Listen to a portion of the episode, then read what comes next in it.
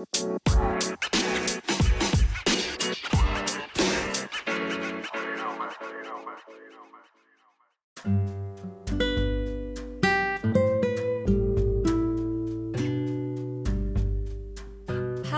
selamat datang kembali di CLBK Podcast. Nah, seperti biasa, kita nggak sendiri, ditemenin sama Doi yang jauh, jauhnya tuh beda negara. Nah, kali ini kita mau langsung aja tanya-tanya. Hmm, kita kenalan dulu, terus kita tanya nih, awal mula tahu kita atau kenal kita, terus first impressionnya. Silahkan.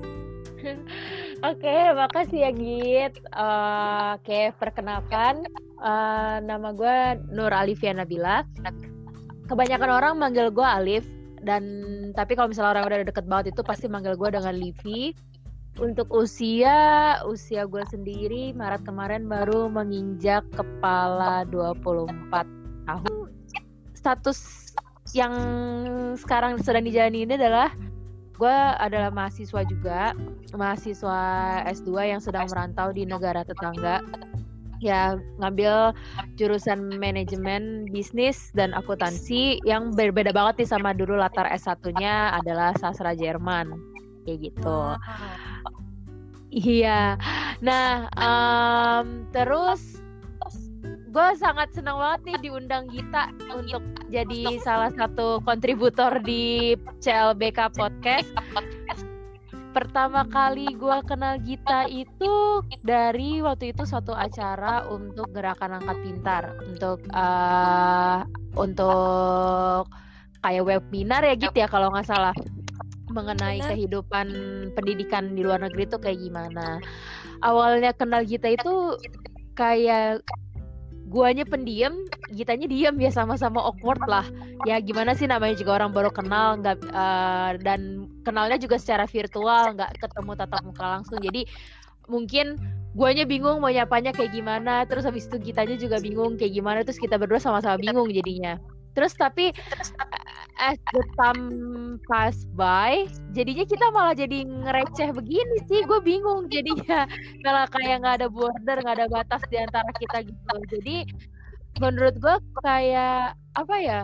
Gita itu anaknya easily untuk mingle gitu loh, gampang banget untuk berbaur, dia ceria banget dan itu sih yang gue suka dan sangat terbalik dengan gue yang awalnya juga awkward ke sini sini juga awkward. Jadi nggak ada perubahan kalau di guanya kalau di gitanya ada gitu. Tapi seneng sih kenal sama Gita apalagi kayak cerita-cerita banyak mengenai uh, gerakan angkat pintar itu sendiri dan kehidupan di Medan kayak gimana. Dan sampai sekarang juga masih tetap keep in touch kayak ah senang sekali bisa nambah berteman seperti Gita kayak gitu.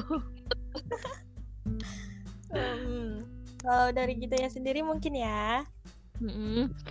Uh, ya benar kenal dari kenal Khalif itu waktu ada acara kegiatan gerakan langkat pintar.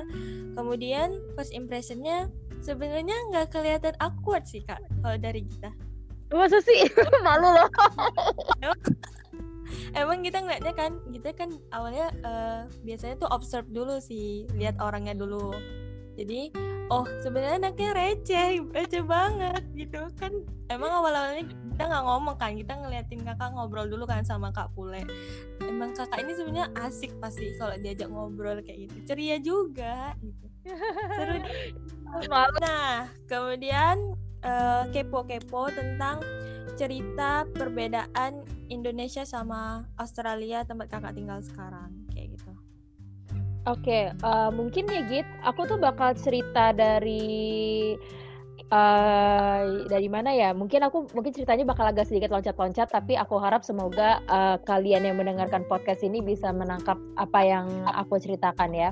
Jadi gini, uh, sebenarnya perbedaan yang per, ketika pertama kali nyampe banget di Australia ini adalah gue ngeliat orang-orangnya di sini tuh semuanya serba teratur, serba rapi rapi, serba terstruktur. Dalam arti kata kayak gini, uh, gua bahkan ketika gue sampai nih gue sampai Australia itu kan sekitar jam 6 pagi waktu sini kan Terus habis itu jam 8 itu gue langsung diajak pergi sama tante gue untuk ngurusin suatu urusan di daerah City naik kereta waktu itu pertama kali gue naik kereta. Nah, yang bikin gue kagetnya itu adalah or orang-orang berdiri ketika kereta itu datang, orang-orang tuh berdiri benar-benar berdiri di belakang garis pembatasnya. Itu nggak ada yang berdiri di atas garis pembatas, apalagi di depan garis pembatas itu nggak ada.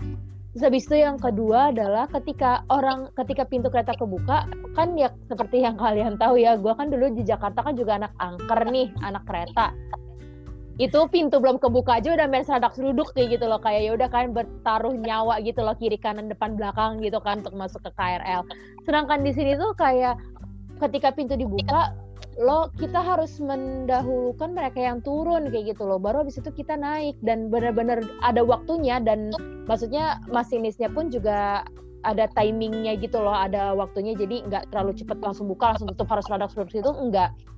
Dan terus abis itu uh, kayak semuanya kayak kita ngantri di eskalator gitu loh kita mau menggunakan eskalator nah ketika kayak kita mau yang nyantai nggak mau gerak ya itu kita harus berdiri Nah, yang kanan itu harus disisain kosong untuk mereka yang mau langsung jalan naik tangganya gitu loh. Nah, kita nggak bisa gini, kita nggak bisa kayak membawa kebiasaan buruk kita gitu loh. Maksudnya kebiasaan-kebiasaan aneh kita selama mungkin di Indonesia ke sini karena sanksi sosialnya pedih banget gitu, bener-bener pedih banget. Itu bisa kalau semuanya kayak gue sendiri pernah nih waktu itu kena apa ya kena tegor dalam tanda kutip gitu lah gara-gara gue lagi bengong terus habis itu gue salah antrian gitu kan mm-hmm. terus habis itu kayak langsung ditanyain kayak uh, you just waste my time kayak gitu loh. You, oh. you stand in the wrong way kayak gitu uh, kayak bener-bener kayak lu lu berdiri di salah lu berdiri di jalur yang salah lu nggak lu buang-buang waktu gue tau nggak? Itu tuh kayak bener-bener kayak rasanya ingin menghilang dari muka bumi sih sebenarnya. Cuman habis itu kayak oh ya udah gue harus bener-bener aware gitu loh harus benar-benar uh, ngasih tahu perhatian maksudnya memberikan perhatian penuh gitu loh. Jadi di sini tuh pertama kak perbedaannya itu adalah sangat teratur. Seteratur itu setertib itu dan semua itu serba dan yang kedua itu yang sangat gue suka adalah di sini tuh semua serba jelas. Serba jelas dalam arti kata adalah kayak apa pun yang kita cari informasinya apa pun yang ingin kita ketahui tentang suatu hal itu pasti ada. Entah di papan pengumuman entah di website atau entah bahkan kayak di kayak di papan tiang bus stop atau enggak kayak papan tiang tram ke papan tiang untuk apa sih kereta pun itu jelas. Hmm, bahkan tuh gimana ya di sini tuh orang tidak akan bertanya jika tidak kepepet jika tidak apa ya jika tidak terpaksa jika mentok banget mereka itu baru akan bertanya. Jadi kalau misalnya orang yang model kayak balik lagi ini pengalaman gue pribadi ya kayak kan dulu kan gue plongo banget nih baru dilepas sama tante gue kayak udah kamu pergi ke sini kayak gitu coba sendiri. Terus uh, onnya gue gue nggak gue nggak uh, baca nggak baca rambu gitu loh. Terus gue mencap tanya aja sama memang sih ada officer ada petugas juga yang disediakan tapi ya gue mencap tanya aja kayak gue mau ke sini tuh gimana ya caranya? Kayak oh lu bisa lihat papan pengumuman di situ nggak? Lu baca dulu gitu terus kayak agak nyesek juga sih kayak langsung digituin sama officer. Jadi kayak yang oh ya udah oke okay, gitu. Nah semenjak saat itu kayak gue lebih banyak kayak baca dulu merhatiin dulu segala macam. Kali itu benar-benar semua tuh sudah terakomodasi secara jelas kayak gitu. Hmm. nah balik lagi nih tringe momen yang menurut gue tuh agak apa sih agak menurut gue tuh kayak agak-agak aduh kayak gitu. Balik lagi karena kecerobohan gue ya. Jadi waktu itu gue lagi groceries nih ceritanya. Hmm. lagi belanja kan? Nah sebenarnya bagi orang maksudnya sebagai seorang muslim di sini kita tuh harus benar-benar ekstra banget kan untuk memperhatikan makanan apa yang kita beli kayak gitu loh. Apakah makanan ini dari uh, tukang jagal yang halal kah ataukah dia masaknya disatuin sama olahan bahan olahan yang lain ya bisa maksudnya sapi, kambing, domba, kangguru, kerbau atau bahkan sama babi kayak gitu kan. Nah, bah bahkan di tempat-tempat kayak kulkas kulkas-kulkas makanan di supermarket itu pun juga kita harus perhatiin kayak gitu karena kadang suka ada yang dipisah gitu mana ada yang dari tukang jagal halal mana yang enggak kayak gitu. Nah waktu-waktu gue itu lagi ya lagi balik lagi gue lagi bengong gitu lagi plongo kan lagi lihat-lihat lihat-lihat terus habis itu gue lagi kepengen makan ikan makan ikan salmon kan. Nah uh, eh, gue tuh cuma lagi mau cari yang salmon irisan tipis-tipis gitu loh yang kayak sushi gitu kan karena gue lagi pengen makan kayak mentai-mentai yang kekinian gitu. Nah terus habis itu gue mencap ambil aja salah satu kemasan. Oh ini menurut gue ini ada salmon putih kayak gitu dan kok tumben bentuknya fancy gitu mencap gue ambil aja kayak gitu kan. Nah pas gue taruh di troli tiba-tiba tante gue negor kayak kamu ngambil apaan itu? kayak gitu kan. Terus habis itu gue bingung dong. Ya gue langsung jawab aja hmm, uh, gua uh, aku habis ambil salmon putih white salmon kayak gitu kan. Coba baca dulu yang benar itu white salmon apa apa kayak gitu kan. Gue kira tante gue itu cuma mau ngetes doang kayak gitu loh. Ternyata pas gue baca itu yang gue ambil adalah daging buaya. Jadi daging buaya potongan gitu loh kayak daging buaya yang sudah tipis itu dan gue kayak bener-bener terkejut terheran-heran gitu loh. Gue nggak ngerti kalau sana di situ nggak ada tante gue mungkin gue sudah pulang dan agak sedikit meratapi gitu loh itu daging buaya tipis itu kayak aduh lo kayak kebayang gak sih makan aligator makan buaya gitu loh buaya kayak aduh gue kemudian mungkin nih yang dengerin podcast ini mungkin ada niatan mau pergi juga nih ke, Aust eh, ke Australia. Kira-kira hmm. di sana tuh uh, apa ya untuk uh, ekonominya kayak gitu gimana sih kak? Gitu. Budget kehidupan. Oh, budget kehidupannya. Jadi gini, uh, eh, gue akan berbicara dari sisi pandangan sebagai seorang mahasiswa rantau ya dan perlu digarisbawahi adalah mahasiswa rantau dengan biaya sendiri bukan dari beasiswa. Hmm. Nah, uh, mungkin banyak banget orang yang masih berpikir kayak wah kalau kalian mau kuliah tanpa beasiswa ke Australia itu harus punya duit banyak kayak gitu. Iya mungkin. Uh, di maksudnya sebagai batu loncatan awal iya mungkin benar. Mungkin harus punya uh, modal lah dalam tanda kutip. Nggak mungkin juga lah ibaratnya kayak kita baru mau berangkat itu benar-benar modal nol itu kayak mustalbal kecuali kalau kita punya jin piaraan atau nggak punya tuyul nah itu baru bisa nah jadi tuh kalau uh, aku pribadi dulu tuh aku berangkat aku tuh cuma bermodalkan visa awalnya tuh visa holiday. Jadi aku langsung mungkin sebut aja ya, sebut angka aja ya biar boleh boleh. Mungkin yang dengar juga ada bayangan. Aku tuh berangkat menggunakan visa holiday itu tuh bayar sekitar waktu itu 1,6 di uh, suatu agent resmi yang udah ditunjuk sama kedutaan besar. Jadi waktu itu uh, apa sih agent itu tuh ada di daerah Kuningan. Jadi dia itu adalah agent yang uh, menaungi waktu itu untuk Australia dan New Zealand, untuk Jerman, Kanada dan Uni Eropa segala macam Amerika Serikat itu semuanya jadi ditunjukkan melalui agent itu. Jadi kita nggak perlu datang lagi ke duta ke kedutaan untuk ngurusin hal itu. Kecuali untuk di Asia ya. Hmm. Untuk regional Asia kalau nggak salah masih dia harus datang ke kedutaannya masing-masing kayak gitu.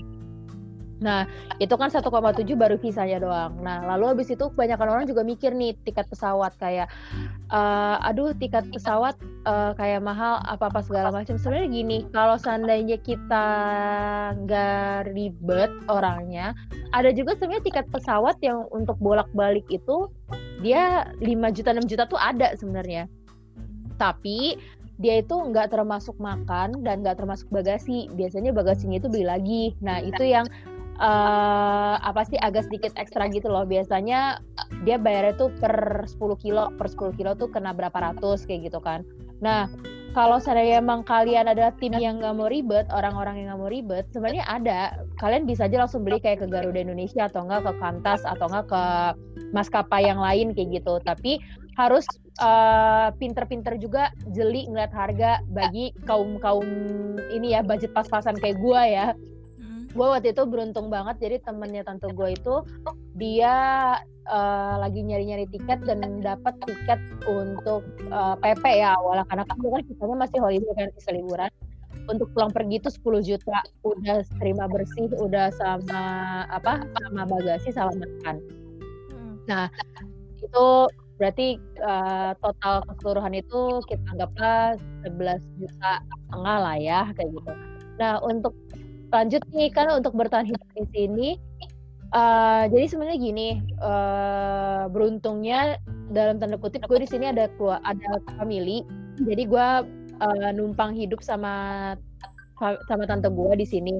Nah, terus pertanyaan lagi nih, ya kan kalau sama family enak, kalau yang nggak sama family kayak gimana? Nah, kalau yang nggak sama family itu biasanya nanti kalau uh, kan ini kan kita kan berangkatnya kan liburan ya. Kalau liburan itu pasti bakal ditanyain itinerary itu maksudnya kayak nanti tinggalnya di mana, bakal ke mana aja itu pasti akan ditanya. Nah tapi kalau seandainya kalian merubah status nih, mau merubah status ya awal dari uh, liburan mau menjadi mahasiswa di sini, itu tuh nanti uh, kalian pasti akan harus akan harus menemukan satu tempat untuk jadi alamat tetap kalian. Nah, biasanya di daerah yang banyak banget mahasiswanya kayak di daerah kota atau di daerah dekat universitas itu suka banget ada apartemen. Nah, itu tuh bisa dicari kayak di grup-grup komunitas grup-grup komunitas di Facebook gitu loh. Ada beberapa komunitas yang dia kadang suka mau sharing. Jadi uh, suaminya kayak dia nyawa apartemen nah itu bisa di sharing bisa berbagi untuk lima atau enam orang. Nah di sini pun juga sistemnya semua per week bayarnya tuh selalu per minggu. Kalian akan digaji per minggu dan pun kalian harus bayaran selalu per minggu. Terkecuali untuk bill-bill tagihan kayak uh, bill telepon, eh kayak iya kayak bill kayak untuk bill telepon, bill untuk listrik, bill untuk air itu ada yang per bulan, ada yang per tiga bulan. Listrik dan air itu per tiga bulan, sama gas juga per tiga bulan. Nah, itu biasanya kalau kayak untuk uh, apartemen tempat untuk mahasiswa mahasiswa itu mayoritas kalau sananya untuk balik lagi ya untuk mahasiswa yang budgetnya pas-pasan atau yang melakukan pengiritan itu ada yang per, ada yang 100 hingga 170 per minggu. Nah, biasanya itu uh, semuanya itu udah ditanggung sama-sama gitu loh. Jadi udah tinggal terima bersih, udah tinggal terima rapi. Nah, tapi bagi kalian yang budgetnya al tajirun yang nggak mandang duit, nah itu ada juga yang per minggu tuh bisa sampai 200, 250, 300 ada. Tapi biasanya itu di tempat-tempat strategis banget lah, yang benar-benar di perkantoran, daerah perkantoran atau enggak yang sekali ngesot ke universitas tuh nyampe. Nah itu juga ada sebenarnya. Nah, tinggal kitanya aja mau pilih budget yang mana itu untuk uh, apa untuk tempat tinggal. Nah, tadi bagaimana cara pergantian statusnya nih dari visa liburan ke visa mahasiswa ke visa pelajar. Nah, kalian udah tahu nih biasanya universitasnya apa? Anggaplah uh, waktu itu salah satu universitas incaran gue itu sebenarnya adalah UNSW sih aslinya. Nah, kak, biasanya di sini itu untuk tahun ajaran baru itu dimulai dari dua. Ada yang dimulai per Februari per ya per summer ada yang dimulai per winter yaitu bulan-bulan sekarang nih bulan uh, Juni Juli ini nah tapi tahun ajaran kita uh, tahun ajaran di sini itu selalu dimulai per awal tahun kayak gitu loh. Jadi ya tengah tahun yang benar-benar literal tengah tahun kayak gitu. Kalau kita kan tahun ajaran baru kan dimulai per tengah tahun kan kalau di Indonesia. Ya. gitu Nah, itu nanti abis itu ketika kalian daftar nih seumpamanya. Nah, uh, daftar ke universitas itu nanti kalian harus melampirkan uh, berkas-berkas pendukung, dokumen-dokumen pendukung. Gue agak kurang tahu sebenarnya untuk S1 kayak gimana, tapi kalau misalnya untuk S2 kurang lebih dokumen pendukungnya adalah visa kalian sebelumnya, habis itu fotokopi paspor, terus ijazah kalian, ijazah S1 kalian, Uh, terus habis itu sama yang uh, yang eh, yang selanjutnya itu adalah uh, motivation statement kalian. Terus habis itu sama TOEFL. Terakhir itu adalah TOEFL. Nah, ada TOEFL, ada IELTS. Nah, biasanya TOEFL sama IELTS itu nanti bisa kalian cari lah ya, tapi kurang lebih adalah kebanyakan sekarang universitas di sini itu nerimanya adalah IELTS lagi, bukan TOEFL kayak gitu. Dan uh, skor rendah itu minimum 60 untuk per masing-masing section section yang kayak writing, listening, speaking, grammar kayak gitu. Nah, tapi kalau seandainya rata-rata keseluruhannya itu harus 70. Tapi 70 itu adalah acuan adalah acuan untuk group of eight ya kayak universitas ternamanya di Australia itu dia maunya 70 paling rendah kayak gitu tapi untuk universitas-universitas yang lainnya biasanya dia antara 55 sampai 60 dia akan mau menerima untuk tingkatan master untuk tingkatan S2 nah nanti ketika kalian sudah diterima oleh universitas itu kalian harus melakukan pembayaran minimum DP deposit kayak gitu. Nah DP deposit ini apa fungsinya? Jadi kayak untuk mengeluarkan uh, letter asset uh, sorry, letter of acceptance-nya kalian kayak gitu untuk uh, mengeluarkan surat pernyataan bahwa kalian sudah diterima. Nah, surat pernyataan ini termasuk vital, sangat vital, kuncian vital. Kenapa? Karena kalau nggak ada surat ini, kalian nggak akan bisa mengajukan ke imigrasi kalau seandainya kalian mau pindah visa. Nah, kalau seandainya kalian nggak bisa mengajukan, nggak ada surat ini, kalian nggak akan, kalian nggak ngajuin ke imigrasi, kalian lebih dari, maksudnya kalian itu nanti bisa bermasalah dengan visa sebelumnya dan bisa-bisa kalian bisa masuk daftar blacklist, hmm. bisa kayak dideportasi, kayak dideportasi dari Australia, terus nanti kalau mau ke sini lagi itu nggak bisa karena kalian punya ada bad record gitu loh, ada catatan buruk kayak gitu kan. Nah nanti dari LOE itu ketika akan diajukan ke imigrasi, nanti imigrasi akan ngasih ke kita beberapa formulir dan beberapa rujukan. Formulir itu adalah formulir uh, data pribadi seperti biasa, uh, nama, alamat, sponsor, sponsor dalam tanda kutip adalah sponsor tempat kalian kerja, terus buku tabungan segala macam, sama nanti kalian harus cek kesehatan di uh, kantor me cek medical check up yang ditunjuk oleh si imigrasi ini. Nah, biasanya setelah itu nanti prosesnya itu kurang lebih sekitar satu bulan dan kalau nggak salah aku kemarin tuh memakan biaya total ya, total untuk ngurusin visa dan cek medikalnya itu tuh nyaris 800 dolar sendiri kayak gitu 800 dolar itu adalah 8 juta kalau dikursin dengan asumsi satu dolar itu ada 10 ribu ya hmm. nah itu nyaris 8 nyaris sekitar 8 juta dan uh, untuk biaya perkuliahan sendiri pun kan juga variatif. Nah tapi kalau misalnya di kampus gue sendiri itu adalah per tiga semester, uh, per tiga bulan kan di sini kan jatuhnya tri semester kan.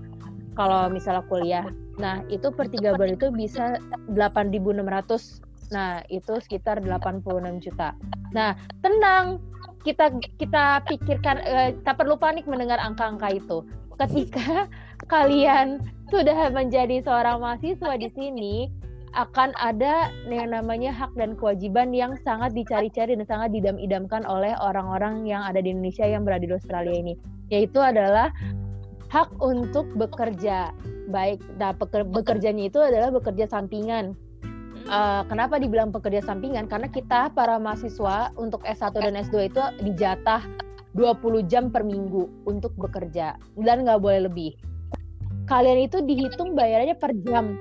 Jadi contohnya kayak paling rendah untuk mahasiswa S2 itu kalian per jam itu adalah 20 dolar. Nah, anggaplah shift kalian dalam satu minggu ini ada uh, eh, 18 jam. Ya 20 dolar kali 18 jam. Nah, di hari Minggu kalian waktu kalian gajian, total itulah yang akan kalian dapat kayak gitu loh.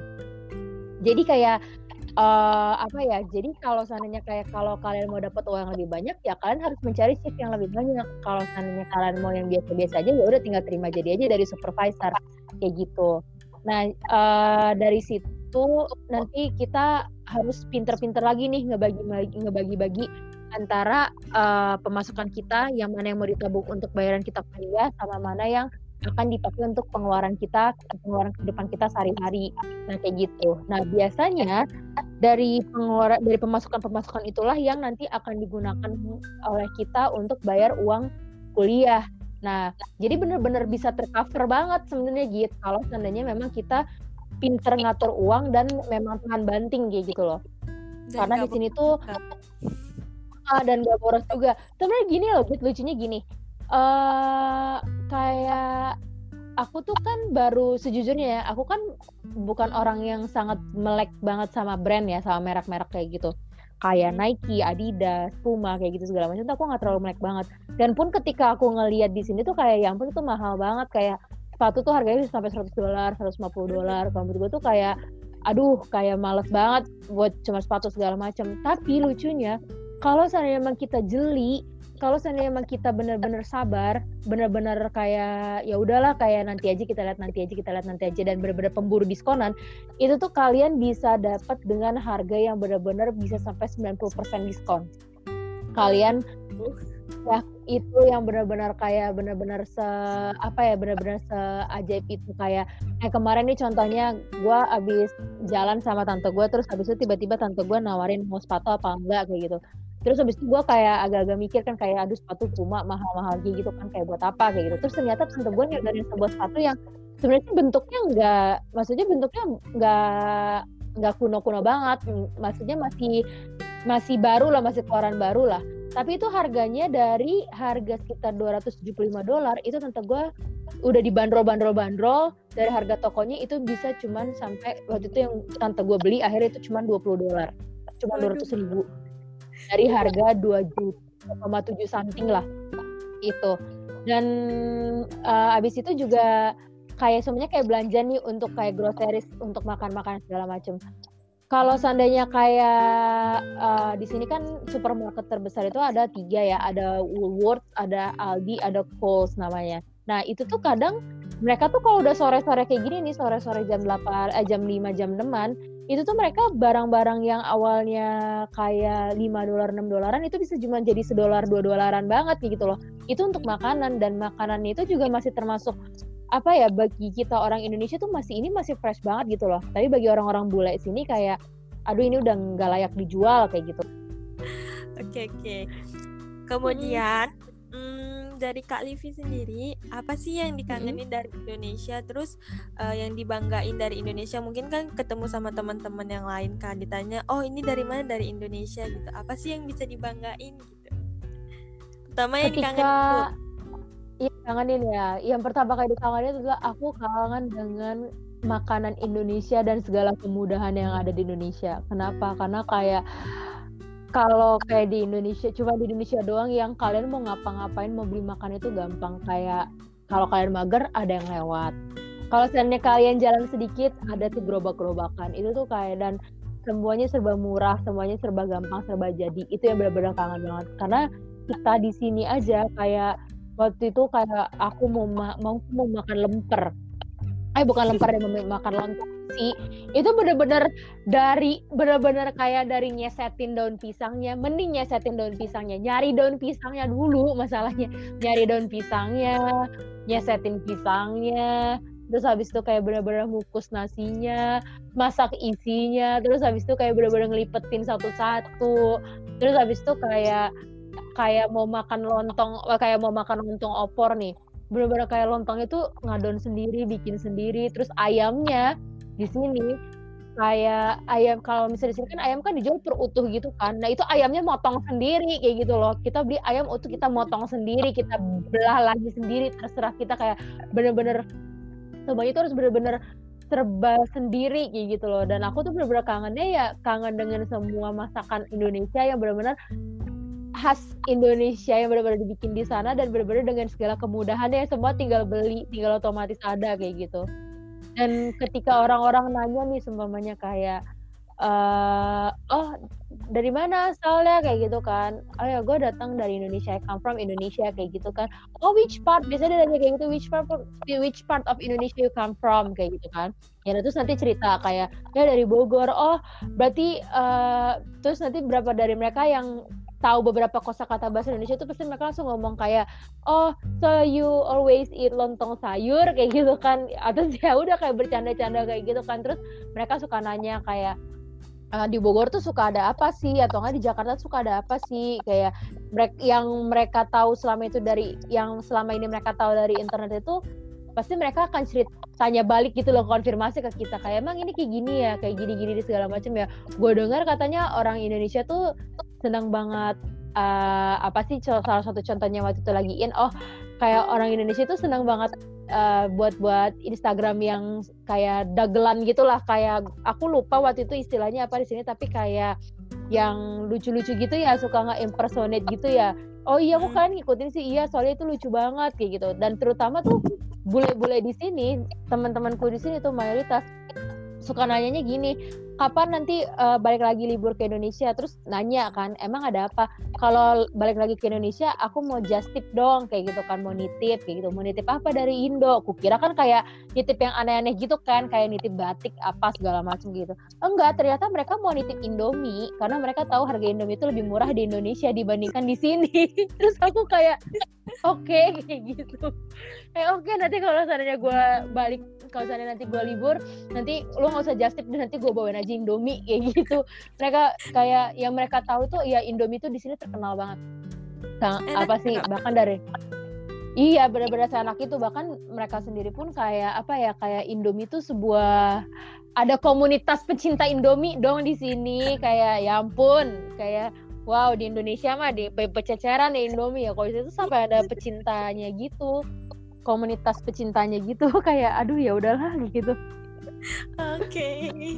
wah berarti hmm, Indomie Indonesia itu emang kayaknya apa ya mendunia kayak gitu Oh iya, Indomie Indonesia, Indomie goreng terutama. Terus habis itu kecap bango.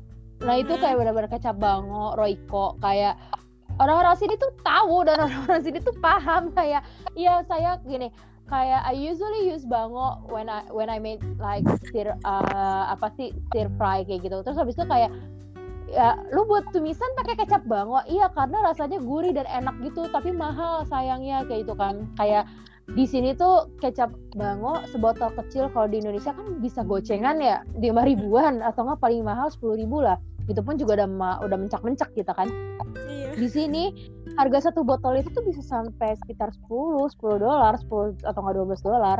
Ya 120 ribu lah ya kayak gitu. Podcast ini uh, lucu ya jadinya kayak memberikan aku tempat untuk bercerita aja kayak nggak kaku gitu. Bukti kalian bisa mendengar dari tadi kayak aku nyerocos mulu. Kayaknya bahkan sampai mungkin hostnya sendiri kayak gak dapet kesempatan karena aku saking asiknya menjadi diriku sendiri di uh, podcast ini. Dan pesannya adalah mungkin dari pembicaraan ini aku akan memberikan dua pesan ya dua dua pesan kepada para pendengar. Pesan yang pertama adalah pokoknya jangan batasin lah diri kalian sendiri gitu loh. Terutama pagi kalau kalian yang mau me, apa mau meraih mimpi di bukan maksudnya di luar negeri gitu loh. Jangan berasumsi kayak hanya orang yang mendapatkan beasiswa atau orang yang tajir aja yang bisa sekolah kayak gitu. Buktinya masih ada gue nih yang jatuh bangun untuk sekolah di sini kayak gitu.